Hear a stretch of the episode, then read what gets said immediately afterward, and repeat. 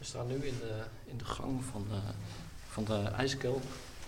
En eh, ongeveer een meter naar binnen hangen de eerste vleermuizen aan de, aan de muur. Oh, hier net boven. Aan de, aan de muur. Hier hangen vijf uh, vleermuizen dicht tegen elkaar aan, aan de muur. Nou ja, zoals ik buiten al vertelde, je ziet hoe vochtig de muur is en hoe vochtig ook de vleermuizen zijn. Achter je hangen er ook een paar, Tjeerd. Oh, eentje, een grotere. Hij lijkt iets groter omdat deze uh, zijn vleugels iets uh, heeft uitgespreid. Maar het is dezelfde soort.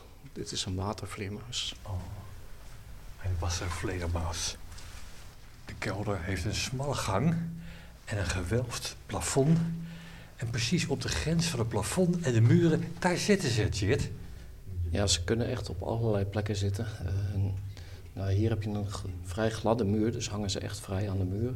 Maar iets verderop uh, nou, zullen ze ook te weggekropen zitten tussen de baks, bakstenen. Um, die vleermuizen vinden het vaak fijn om echt uh, weg te kunnen kruipen. Er zit er boven me eentje. Aan de zijkant zit een hele tros. Ja, hier zit een trosje van 1, 2, 3, 4, 5, 6, 7, 8, 9, 10, 11 watervleermuizen bij elkaar. Jeetje, ze zitten echt overal. Ja, uh, het is niet voor niks dat we hier, uh, hier tellen. Want uh, dit is wel een van de betere kelders.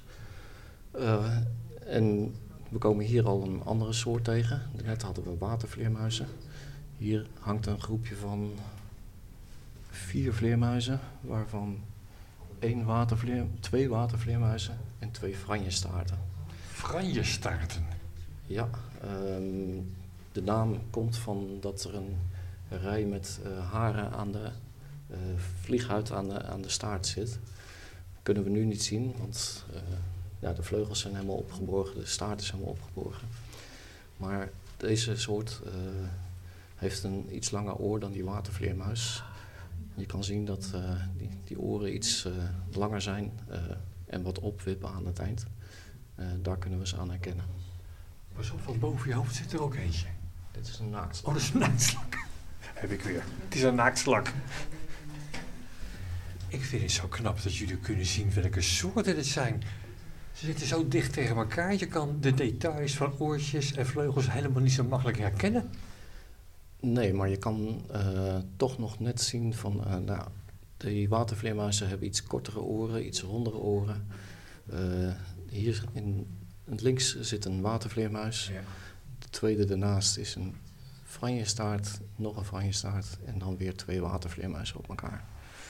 Um, nou ja, die, die, verschillen zijn subtiel, maar ja, we weten natuurlijk precies waar we op moeten letten en naar moeten kijken. Um, we zijn hier aan het einde van de, van de gang. Uh, hier is naar beneden de uh, ruimte waar uh, ja, eigenlijk de, de eigenlijke ijskelder is. Uh, je ziet hier een rond gat met een uh, ladder erin. Um, ja, die zo'n, wat zal het zijn? Wat denk je, Mark? Nou, Hoeveel meter? Of zit er zeker wel hoor. Precies. Ja, misschien wel meer zelfs. En dit, is, dit is de kelder waar vroeger het ijs in, uh, in werd gegooid. om nou ja, de hele zomer door de kou te blijven houden.